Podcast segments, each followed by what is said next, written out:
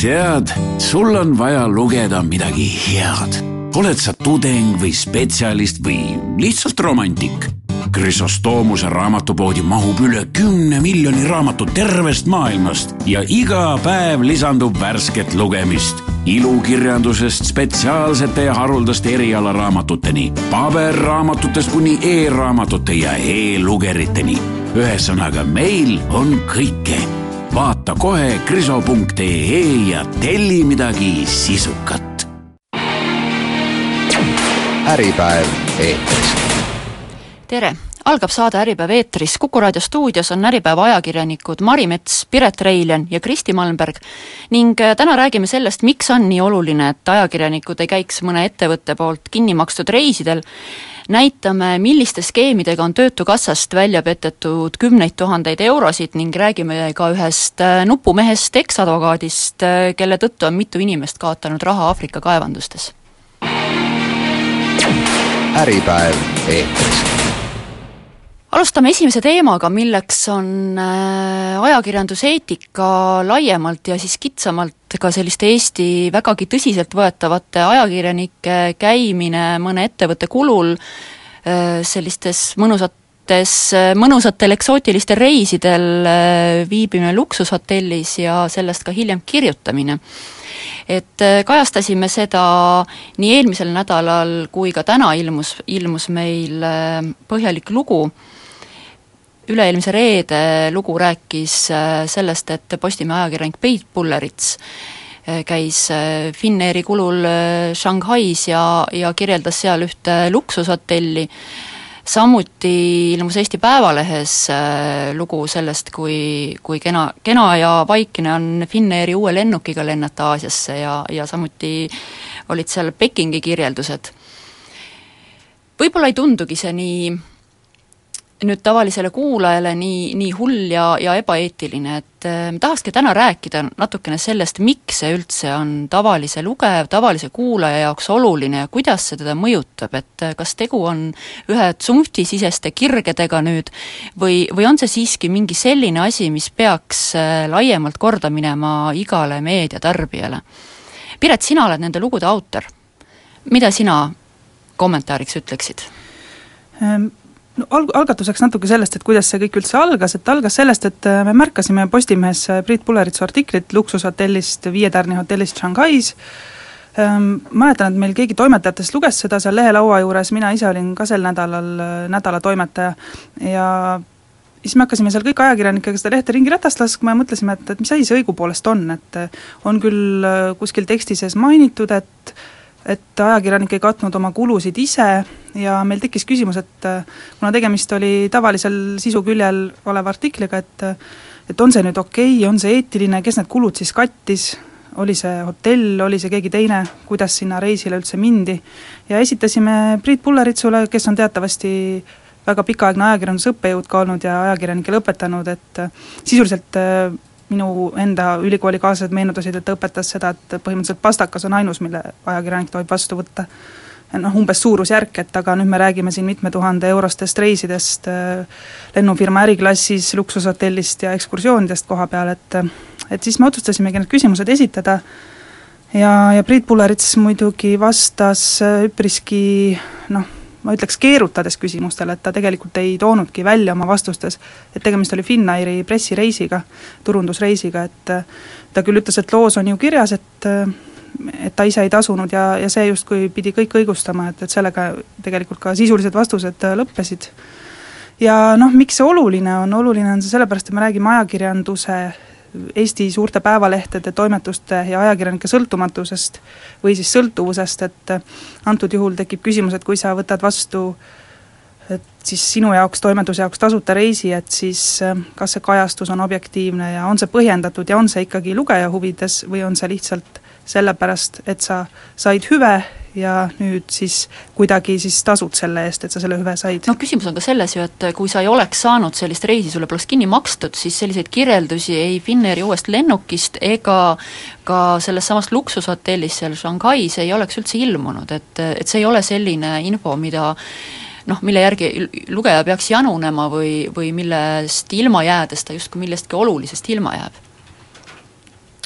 jah, ja, ja noh, üks asi, mi-, noh, me küsisime sellele kommentaaris ka meediajuhtidelt ja üks asi, millega nii Postimehe kui Eesti Päevalehe juhid põhjendasid siis selliseid reise, oli tegelikult see, et aga loo juures on ju märge olemas, kes maksis, et me ise ei maksnud. Et, et see peaks justkui õigustama siis kõike ja see peaks justkui olema siis vastus küsimusele, et miks üldse selliseid lugusid teha, et et jällegi tõesti, need lood ei oleks muidu ilmunud ja ma toon siinkohal välja ka, mis Priit Pulleritsu puudutab, siis ta peab suusablogi Äh, kus ta blogipäises tutvustab ennast kui Postimehe ajakirjanikku, et siin kirjutab Postimehe ajakirjanik Priit Pullerits. ja nüüd need blogipostitused, mis toimusid nii sellest Shanghai reisist kui ka mõni kuu enne Shanghai reisi, samuti Finnairi kulul toimunud reisist Chicagosse, mis on ka kallis kauge sihtpunkt, äh, et siis seal blogipostitustes, mis olid äh, ka nende reiside kohta, ei olnud mitte mingisugust märget, et keegi teine oleks üldse maksnud nende reiside eest miks me sellest räägime, on ikkagi eelkõige see, et, et tegu on vägagi tõsiseltvõetavate ajakirjanikega, sellistega, kes, kes kirjutavad ka olulisi arvamusartikleid, kes, kellel on nii, nii-öelda roll mingisuguste ühiskondlike seisukohtade kujunemises, nad ei ole sellised tavalised auto- või, või reisi- või, või tarbija-ajakirjanikud E, et äh, nende puhul äh, noh, nemad mis, peaksid mis iseenesest ei õigusta, et nüüd ei, reisi- ja tarbijakirjanikud peaksid kuidagi võtma hüvesid vastu, aga jaa, loomulikult mitte, aga eriti nagu nende puhul, kes, kes ikkagi kujundavad mingeid seisukohti, kellel on, kes on mõju, mõjukad ühiskondlikus debatis, et eriti nende puhul noh, nad, nad peavad õu-, õudselt täpselt jälgima seda, et kas nad on kellestki mõjutatud või mitte, et, et nende tõsiseltvõetavus ei seataks kahtluse alla. ja noh, antud juhul äh, sellest ka kogu see lärm, et äh, ajakirjanikud peavad nagu oma, oma tõsiseltvõetavusele rohkem tähelepanu pöörama, mitte tegema selliseid asju. Mhm. no siia Kuku raadio stuudiosse tulles meil ka, saime juba siia tulles tagasisidet natuke, et et kus see piir siis läheb, et tegelikult näiteks reisid Brüsselisse Euroopa Komisjoni kulul kas või et et kas need on okeid, sest seda tehakse tunduvalt vabamalt. Ähm, ERR-i eetikanõudnik äh, Tarmu Tammerg näiteks tõi välja, et äh, see on selles mõttes eraldi kategooria, et tegemist on parteideülese ja mittekommertsliku organisatsiooniga, samamoodi ma arvan, et ajakirjanikud käivad siiamaani, äh, taotlevad fondidest raha, kui nad võib-olla mõnele koolitusele lähevad, et, et selles mõttes äh, kus seda piiri tõmmata, et äh, noh, me teame ka juhtumeid, kus käiakse kuskil tehastes äh, mingisuguse tööstuse kulul äh, kas praamidest või trammidest või millestki kirjutamas, et et iseenesest ka see on minu arvates küsitav, aga antud juhul on kuidagi eriti räigelt toimitud, et on käidud sisuliselt turismireisil. äh, suurte päevalehtede poolt, et on aktsepteeritud nagu sellist hüve? Äripäevas on väga rangelt need eh, eetikareeglid paigas, meie ettevõtete kulul ei reisi, erandi teeme ainult tõesti kas Euroopa Komisjoni või mingi sellise, nagu sa ütlesid, kõrgema sellise parteideülese organisatsiooni puhul, e, et see on ainus variant, mida meie kasutame reisimiseks, aga sellest, eh, milline on mujal maailmas meediapraktika, me räägime edasi pärast reklaamipausi Äripäev eetris. Jätkame saatega Äripäev eetris, Kuku raadio stuudios on Äripäeva ajakirjanikud Mari Mets, Piret Reiljan ja Kristi Malmberg. Ning äh, parasjagu arutame selle üle, miks äh, ajakirjanikud käivad ettevõtete kinni makstud reisidel ja miks nad seda tegelikult teha ei tohiks. ilmutasime täna ka samadel äh, reiside teemal ühe artikli, kus küsisime kommentaare Rootsi ja Soome juhtivate päevalehtede peatoimetajatelt. et kuidas on nende praktika, kuidas nemad suhtuvad äh, reisidesse. ja noh, neil oli see nagu väga selgelt eitav seisukoht, et midagi sellist ei, ei tohiks endale lubada jah, kui senimaani on olnud äh, siis äh, Postimehe ja Päevalehe ajakirjanike seisukohad, et, et kõik need lood, äh, mis nad tegid siis Pekingist või Shanghai'st, on tehtud lugejate huvides. Ja isegi noh, meie enda Eesti Rahvusringhäälingu eetikanõunik ikkagi laadab välja selle väite, et luksushotellist äh, kirjutatakse lugusid lugejate huvides, siis äh, minu meelest ütles väga hästi Helsingin Sanomate peatoimetaja selle Ande Mukka selle kohta, et äh, ainuüksi tõsiasi, et sind võidakse süüdistada kallutatuses, peaks olema siis piisav põhjus, et oma kulud ise katta. Et minu meelest kas või süüdistus selles, et, et see ei ole objektiivne või, või need kulud, kulude pärit-, kaetuse päritolu on segane, juba see minu meelest kaalub niivõrd üles tõsiasja, et no kellel ikka on vaja teada, mis seal luksushotellis tehakse, kui enamus Postimehe lugejatest sinna nagunii kunagi reisida ei jõua ja nagu ka Pullerits tõi ise välja, et mitte ka Äripäeva lugejatest no selline luksushotelli kirjeldamine on minu arvates ka ikka väga selline üheksakümne kuues aasta, mitte kaks tuhat kuusteist, et kas tõesti meil on ikka veel vaja selliseid kirjeldusi lihtsalt hotellidest, et, et reisimise mõte ja, ja mõte ja eesmärk võiks olla juba palju kaugemale arenenud, see on palju-palju kättesaadavam juba inimestele, et ei, ei olegi nagu mõtet kirjutada selliseid lugusid üldse, rääkimata lennuki reklaamist, et kuidas Vaikse hiiglase lendu saab kogeda ainult Aasiasse, noh et see ei ole nagu nii see oli siis Päevalehe kajastus? kusjuures seal Delfi, Delfis on oma teemaleht, Finnairi teemaleht, kus siis, kuhu on koondatud kõik Delfis ja Eesti Päevalehes Finnairi teemal ilmunud artiklid. ja siin tegelikult on läbisegi siis need viimasest äh, Pekingi lennust äh, sündinud lood äh, Finnairi kohta ja ühtlasi ka reisidiilid.ee pakkumised koos hindadega, mida siis Finnair pakub, äh, mis hinnaga pileteid nad pakuvad Pekingisse. et siin on täiesti segamini ajakirjanduslik sisu ja siis puhas tegelikult reklaamtekst ja no Vaikse hiiglase lend Aasiasse, see näeb välja küll natuke nagu lennufirma enda koduleheküljel avaldatud teade, aga ju see sündis ikka tegelikult sellesama pressilennu käigus? noh, siin ongi see probleem võib-olla, mille sa ka siit välja tood, et äh, mis käib ka tegelikult Äripäeva kohta, et kindlasti ka meie saame neid reegleid paremaks teha, et et kuna järjest rohkem äh, tuleb peale selline reklaamivaldkond nagu sisuturundus, et tuleb see, mis noh, sisuturundus näeb äh, põhimõtteliselt, tähendab selliste väga ideaalis tähendab see väga heade reklaamtekstide kirjutamist aga nad võivad, võivad näha ohtlikult sarnased välja tavalisele uudismaterjalile, et, et see ongi koht, kus nüüd toimetused ise peavad väga pingsalt jälgima, et, et see ikka täiesti nagu sassi läheks, sest noh, kui meie jaoks on see täiesti erinev asi, siis tavaline lugeja ei pruugi sellest aru saada ja sellest võivad tekkida väga kummalised järeldused ja jutud ajakirjanduse äraostetavusest ja kõigest muust jah, enne siia tulekut äh, oli põgusalt juttu mul endal ka Igor Rõõtaviga, Äripäeva tea-, pea, äh, toimet-, äh, peadirektoriga siis, ja tema ütles, et, et noh, loomulikult tegelikult ju eksimusi tuleb kõigile ette, tõenäoliselt on kunagi kusagil Äripäevas ilmunud ka mõni kehvasti või üldse märgistamata reklaam ja nii edasi, aga, aga me oleme nendest vigadest õppinud ja mis kõige tähtsam, me ei ole neid teinud tahtlikult et äh, nüüd antud juhul need reisid, mis on, või need hüved, mis on vastu võetud, need on ju tahtlikult ja teadlikult tehtud otsused, et et kindlasti on lubamatu, kui ilmub äh, reklaam, mis on märgistamata ja, ja kui seda on toimunud, siis äh, ma arvan, et Äripäev saab küll käe südame panna, et mitte tahtlikult kuskil. see, millest sa praegu räägid, on muidugi, see on niisugune lohakusviga, on ju, aga kui Eesti ikkagi tunnustatud ajakirjanikud lähevad ise teadlikult äh, kellegi kulul kuhugi reisima ja kirjutavad sellest pärast selliseid kahtlase väärtusega lugusid, siis see on ikkagi natuke teine asi. Ja minu meelest ju, äh, mis Priit Pullets enda Shanghai sõidu puhul välja tõi, oli see, et, et tema ütles, et et, et fakt, et tema ise ei maksnud kinni seda sõitu ega ka Postimees, oli kirjutatud väga kompaktselt loo sisse, et see on tema meelest palju mõistlikum viis esitada infot selle kohta, et see pole tema enda kinni makstud reis siis äh, meile kõigile tundus tegelikult ju täiesti arusaamatu, kes selle reisi kinni maksis. ja jällegi ütleb ka eetikanõunik Tarmo Tammerk, et et äh, täiesti elementaarne on siis teha selle kinni makstud reisi kohta väga selge märge kusagile loo juurde, mitte peita kusagile loos või saate sisse seda fakti, et tegelikult toimetus ise ei tasunud selle sõidu eest. jah, ja antud, ja miks me üldse selle sisuturunduse siin sisse tõime, on see, et meid on selle kaudu püütud rünnata siin mõningate toimetuste poolt, et et aga teil on, vaadake siin sarnase fondiga sisuturundus või midagi sellist, et et no kuulge, need ei ole ju võrreldavad asjad, et meil on ju märge juures, et tegemist on sisuturundusega, tegemist on reklaamartikliga, et aga, aga need artiklid on ilmunud äh, sisukülgedel, uudiskülgedel tehtud tippajakirjanike poolt, et äh, noh, need ei ole samad asjad ja ja noh, ma arvan, et siin on ka natuke sellist äh, kividega loopimist üksteise vastu nüüd, et, et mida kindlasti siinkohal tahaks ka ise öelda, kuigi mina need lood kirjutasin, siis tegemist ei ole kuidagi minu isikliku mingisuguse rünnakuga kellegi mõne ajakirjaniku vastu või toimetuse vastu, et see on ajakirjanduseetika teema ja me pidasime oluliseks seda kajastada no,. alati on, alati on ka see probleem üleval olnud, et keegi ei kritiseeri ajakirjandust nagu tõsiseltvõetavalt, et äh, muidugi on kriitikat sotsiaalmeedias, aga sellist äh, enesesse vaatamist või enesepuhastust või, või et sellist asja on siiski ajakirjandus vähe ja noh, loomulikult on ajakirjanikud ise väga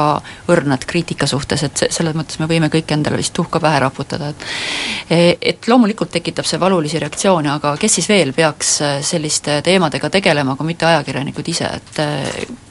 et, et see on nagu, minu arvates on see teema, mis nõuab nagu selgeks rääkimist ja ka toimetustes endast selgeks mõtlemist, sest ma arvan, et paljud need reisid sünnivad nii,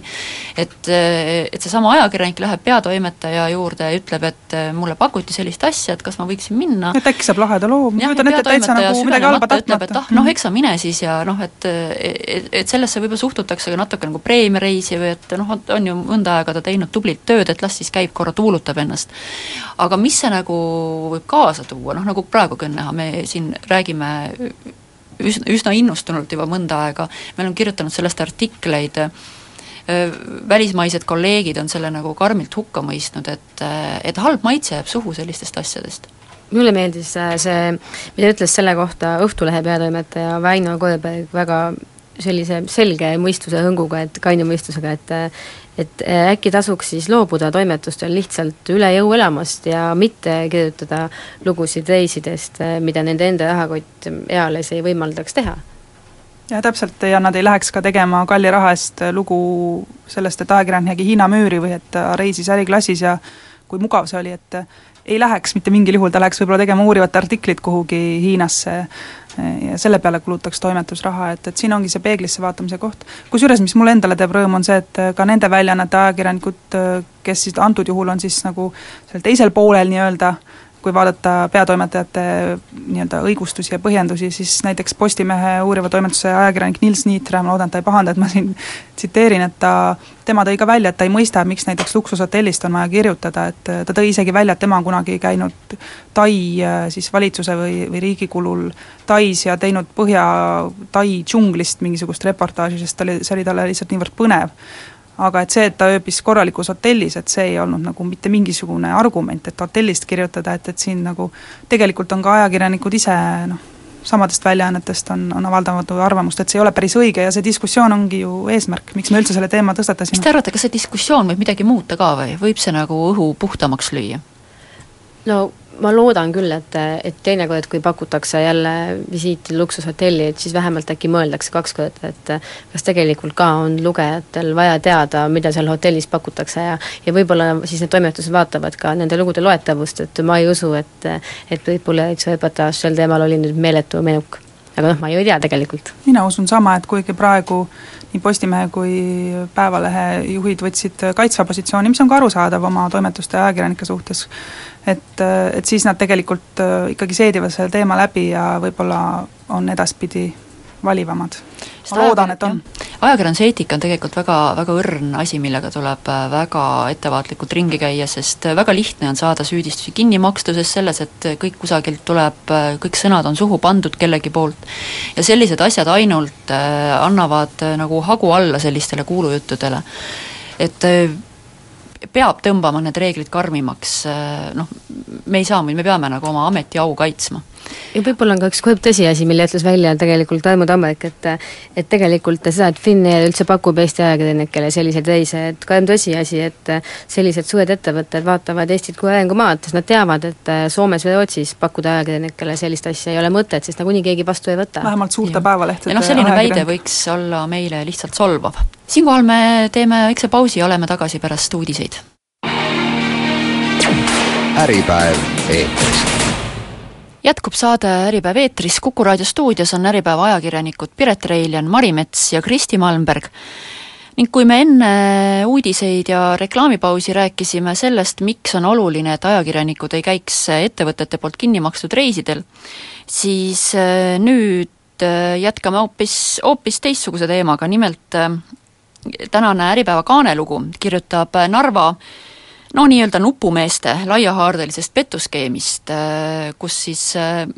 nende skeemide punumisega saadi Töötukassalt ja kindlustusfirmadelt äh, kätte siis kümneid tuhandeid eurosid. no õnneks ei, ei olnud see skeem siiski selline, et see, et seda poleks kuidagi suudetud lahti muukida ja kaheksandal jaanuaril mõisteti need äh, Ida-Virumaa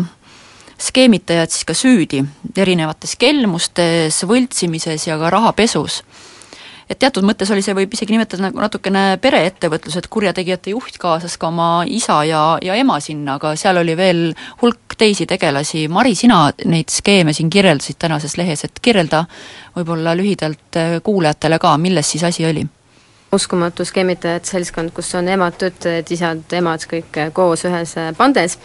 aga tegelikult tundus üsna mõnus pettus, millega nad jäid ka üsna lihtsasti vahele aga mm, asi siis seisnes selles, et selle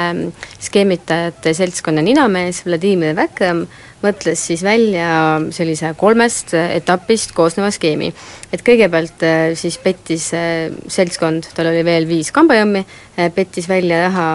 kindlustusseltsidelt, siis järelmaksupakkujatelt ja lõpuks ka Töötukassalt. no Töötukassa, Töötukassa petmine nägi niimoodi välja, et et näiliselt äh, palgati ettevõtetesse endisi töötuid. tegelikult äh, mingeid töötuid ei olnud ja kedagi ei palgatud, äh, lihtsalt võltsiti palgatšekke. ja kuna nad võtsid heatahtlikult tööle endised töötud, siis Töötukassa kohustus maksma nende töötute palgast viiskümmend protsenti ise kinni ja Töötukassale esitasid nemad aga palgatšekke ja Töötukassa muudkui maksis. ja, ja selle pettusega tegelikult äh, petsid nad ka Euroopa Sotsiaalfondi, kes, kes siis Töötukassale omakorda seda toetust äh, kaasrahastab. ja üks asi oli töötute palkamine, teine asi oli töötute praktikale võtmine. et näiliselt siis võeti töötuid äh, näiteks MTÜ-s Kuldne Ekspress, mis reklaamis end lasteteatrina, ja sinna võeti praktikale endine töötu eh, veebidisainerina. miks on vaja lasteteatril veebidisainerit, neil polnud talle isegi sobivat juhendajat, panna juhendajaks määrati inimene, kellel polnud selleks kogemusi, noh, palju auke oli nende plaanis. aga siis peteti Töötukassalt välja ka raha praktikajuhendaja palga jaoks. et noh, üsna küll niisugune lihtne ja labane skeem võib-olla, aga ometigi said nad Töötukassalt kätte ikkagi niimoodi vist nelikümmend tuhat eurot oli see et äh, Töötukassa küll ütleb, et enam pole sellised äh, pettused võimalikud. et Töötukassa ise avastas need ja, ja nad võrdlesid siis äh, palgatõendeid Maksuameti andmetega. ja nüüd siis käib selliste toetuste väljamaksmine ainult nii, ainult Maksuameti andmete põhjal. et enam ei käi mingit palgaandmete esitamist Töötukassale siis, mida nagu näha, on üsna lihtne võltsida nii et me ei pea enam selles mõttes muretsema, noh Töötukassa raha on ju meie kõigi raha teatud mõttes, et et, et sealt nagu enam sellist, sellise, sellisel viisil ei saa raha välja lüpsta? seda küll, aga, aga äh, Töötukassa eest nõuavad äh, nendelt pättidelt seda raha siiamaani tegelikult välja kohtutäiturid. et äh, Töötukassa ja meie maksumaksjad seda raha pole tagasi veel saanud ja nelikümmend tuhat eurot äh, aastal kaks tuhat kümme ja üksteist, mil need pettused käisid, mil veel kehtisid ka Eesti kroonid osaliselt, oli tegelikult ju veel suurem summa, kui see praegu meie jaoks tundub kas sa tead ka nende inimeste tausta selles mõttes, et mida nad praegu teevad, kas seda raha on tegelikult mingit lootust äh, tagasi saada? noh, selle seltskonna ninamees istub vangis, äh, talle siis mõisteti selle kombineeritult kõikidest nendest kuritegude eest, mõisteti kolmeaastane vangistus, millest ta siis äh, kolm kuud peab, peab ära kandma reaalselt ülejäänud seltskond on valdavalt, tegelikult nad on töötavad inimesed ja Eesti kodanikud, sekka ka mõned töötud ja mõned kodakondsusetud inimesed, et äh, arvestades seda, et äh, et sellelt vangis istuvalt Vladimir Väkremilt äh, siis nõutakse kas või üksinda kannatanutele vist oli kaheksateist tuhat eurot, siis noh, selliseid summasid tagasi saada, ma sügavalt kahtlen selles ja ja kuna nendel mm, pättidel oli kõigil ka ettevõtted, mille kaudu siis neid äh, palgatšekke väljastati, igale ettevõttele määrati ka kolm tuhat viissada trahvi, ma ei usu, et neid summasid nii lihtne on tagasi saada. no iseenesest tunduvad need äh, summad ju mitte noh, väga suured. et kas see taga, noh, üksikisiku jaoks tagasimaksmine, ma vaatan jah, see on kaheksateist tuhat kuussada eurot, äh, teistel, sellel Vladimir Väkramil siis, ehk siis ninamehel, on kaheksateist tuhat kuussada eurot, teistel on siin äh, paari-kolme-nelja tuhandesed tagasimaksed. ja noh, kokku ka see summa nelikümmend tuhat kuuskümmend kuus eurot ei ole, ei ole nagu väga suur justkui. aga mis, äh, mis on siinkohal jälle oluline, et see ei pruugi olla ju nüüd ainus, absoluutselt ainus äh, skeem või ütleme siis ainus, ainus selline punt Töötukassa küljes, kes on neid välja petnud, et et neid pettusi võib ju olla ka veel teisi, et, et see on lihtsalt üks, ühed tüübid nüüd, kes jäid vahele. jah, loomulikult see seltskond ju tegutses põhiliselt kahe tuhande kümnendal aastal ja kohtuotsust mille me luges, lugeda saime, see sündis kaheksandal jaanuaril kaks tuhat kuusteist, nii et kui kuus aastat läks aega nende tegude noh, avastamiseks, menetlemiseks ja läbitöötamiseks, siis neid skeeme võib ju tulla veel küll ja küll. mulle isiklikult äh, meeldis nii-öelda ka väga nende teine skeem, mis siis puudutas selliseid päikesereise, et seesama Backrami juhitud seltskond äh, sõlmis reisikindlustused kindlustuse teemadega. Ja, ja teatas siis mõne aja pärast, et tema näiteks Antaaliasse tegi päikesekuurati äh, toimuma pidanud reis jääb ära. Näiteks jalatraumade tõttu, jalatraumad väga meeldisid neile. ja, ja siis tegid taotluse kindlustusraha tagasimakseks, kompensatsiooni jaoks ja noh, enamus kordadel nad tõesti said selle, selle reisiraha tagasi. kuigi tegelikult mingisuguseid reise ei olnud, kõik tuusikud, vautšerid olid võltsitud, et näiteks äh, ühe kõige suurema ühekordse väljamaksena teenis Väkram kindlustusseltsilt viis tuhat viissada eurot kolme inimese jäänud reisi eest. ja see skeem töötas neil täitsa hästi kui sa seda kirjeldad praegu, siis tundub, et see oli väga lihtne, et kas kindlustusfirmadelt võiks olla ka praegu sama lihtne siis, et meid siin kuulavad võib-olla veel sellised algajad nupumehed praegu raadiote taga, et, et kas, kas see tõesti on nii lihtne? no ma tahaks loota, et ei ole ja, ja noh, tõesti aastal kaks tuhat kümme võib-olla oli ka lihtsam esitada igasuguseid tšekke ja vautšereid paberkandjal, et ma arvan, et praegu käib see kõik juba natukene automaatsemalt ja süsteemsemalt, et see, et see muutub üha keerulisemaks selliseid labasaid pettusi läbi viia. jah, nagu siit loost, ka Mari loost välja tuleb, et päris kõik katsed neil ei õnnestunud, et võib-olla nad tabasid ära, kus firmas on kontroll kehvem, kus ei võetud võib-olla kontakti reisibürooga, et kas, kas see inimene on reaalselt reisi ostnud, et et isegi jah, üllatavalt labane skeem selles mõttes, et eeldaks, et kindlustusfirmad on ikka väga sellised noh, kaaluvad, et kas nad üldse välja maksavad ja kellele ja mida, et rääkimata siis, et olematute reiside eest. aga jah, tõenäoliselt praeguseks on nad juba oma õppetunni kätte saanud. ja noh, kuna nad duubeldasid täpselt sama skeemi kogu aeg, et üks ja sama sihtkoht Antaalias, üks ja sama põhjus, jalatrauma, et noh, see on nii labane kõik, et samas kui Väkem üksi hakkas tegema neid skeeme ka, et ta üksi ka katsetas sellega, siis ta muutis sihtkohta, ütles, et ta läheb Egiptusse ja et noh, et tema teenis kõige rohkem selle pealt, et võib-olla see pisikene uuendus selles loos aitas kaasa asjale töötukassa, ma saan aru, tegi ise ühel hetkel muudatusettepaneku, mis siis esimesel mail kaks tuhat neliteist jõustus äh, tööturuteenuste ja toetuste seaduses, et siis mille järgi edaspidi makstakse palgatoetust välja Maksuametis deklareeritud andmete, mitte enam siis tööandja esitatud palgatõendite alusel et kas see oligi ajendatud siis ka sellistest skeemitamistest, see ettepanek? jah, see oli, tundub küll ajendatud nendest skeemitamistest, et kuigi noh, Töötukassa teenustusosakonna juhataja Imbi Must ütles, et et tegelikult ega ka enne seda seadusemuudatust ei olnud nii palju tohutuid ulatuslikke pettusi, aga eks see oli üks suurimaid ja see neid pani ka mõtlema ja tegutsema no vähemalt on see muudatus nüüd tehtud, mis tundub tegelikult ju loogiline, et sa lähtud ikkagi nendest andmetest, mis on ametlikult eh, noh, nagu sellisele autoriteetsele ametkonnale nagu Maksuamet esitatud, mitte siis nendest andmetest, mida esitab sulle keegi, kes nimetab ennast mõne ettevõtte omanikuks või juhiks. nojah, sellise väikse ettevõtte selline palgatšekk on tänapäeval umbes samasugune dokument nagu põhikooli tunnistus, mille saab välja printida lihtsalt e-koolist. selge, aga selle teemaga praegu lõpetame, kiire reklaamipaus ja oleme kohe tagasi Äripäev eetris. tere, jätkub saade Äripäev eetris ja stuudios on endiselt äh, Äripäeva ajakirjanikud Piret Reilen, Mari Mets ja Kristi Malmberg. ning kui me nüüd enne reklaamipausi rääkisime ühest äh, skeemitajate võrgustikust Ida-Virumaal, siis äh, jätkame ka sellise, keda me võime samuti veidi iroonilises võt-, võt-, võtmes nupumeheks nimetada, ehk siis kelmuses süüdi mõistetud Äh, eksadvokaat Ilmo Maaroos on meie järgmine kangelane, kellest me siis äh, eelmisel reedel kirjutasime kaks pikka lugu koostöös Pealtnägija ja Mihkel Kärmasega. Ilmo Maaroos on siis äh, selline mees, ma arvan, et ta ei ole avalikkuse ees väga tuntud või ta ei ole selline inimene, kelle nimi kohe plaksti lööks pildi ette raadiokuulajatele, et kes ta on aga ta on olnud äh, siis Heta Pärnu advokaadibüroos justkui selline täiesti lugupeetud inimene, juhtivpartner. juhtivpartner just nimelt, ja temale meeldib kangesti ka äri teha tema on siin aastate jooksul üritanud vahendada erinevaid äh, Araabia päritolu äripartnereid äh,, müünud äh, siin äh, või pakkunud võimalusi investeerida teemantikaevandustesse, ühesõnaga kui, kui seda juttu nagu kõrvaltseisjana kuulata, siis tundub kõik sellise hea võimalusena oma rahast ilma jääda, kõik see jutt. Piret, sina nüüd selle looga päris pikalt tegelesid äh,, äkki sa natuke räägid, mis selle Ilmo Maaroosi selline fenomen siis on? jah, alustada tuleb sellest, et äh, see Äripäeva lugu, mille me tegime koostöös Pealtnägijaga, sai alguse eelmisel aastal novembris Pealtnägija eetris olnud ühest loost, kus üks väikeettevõtja,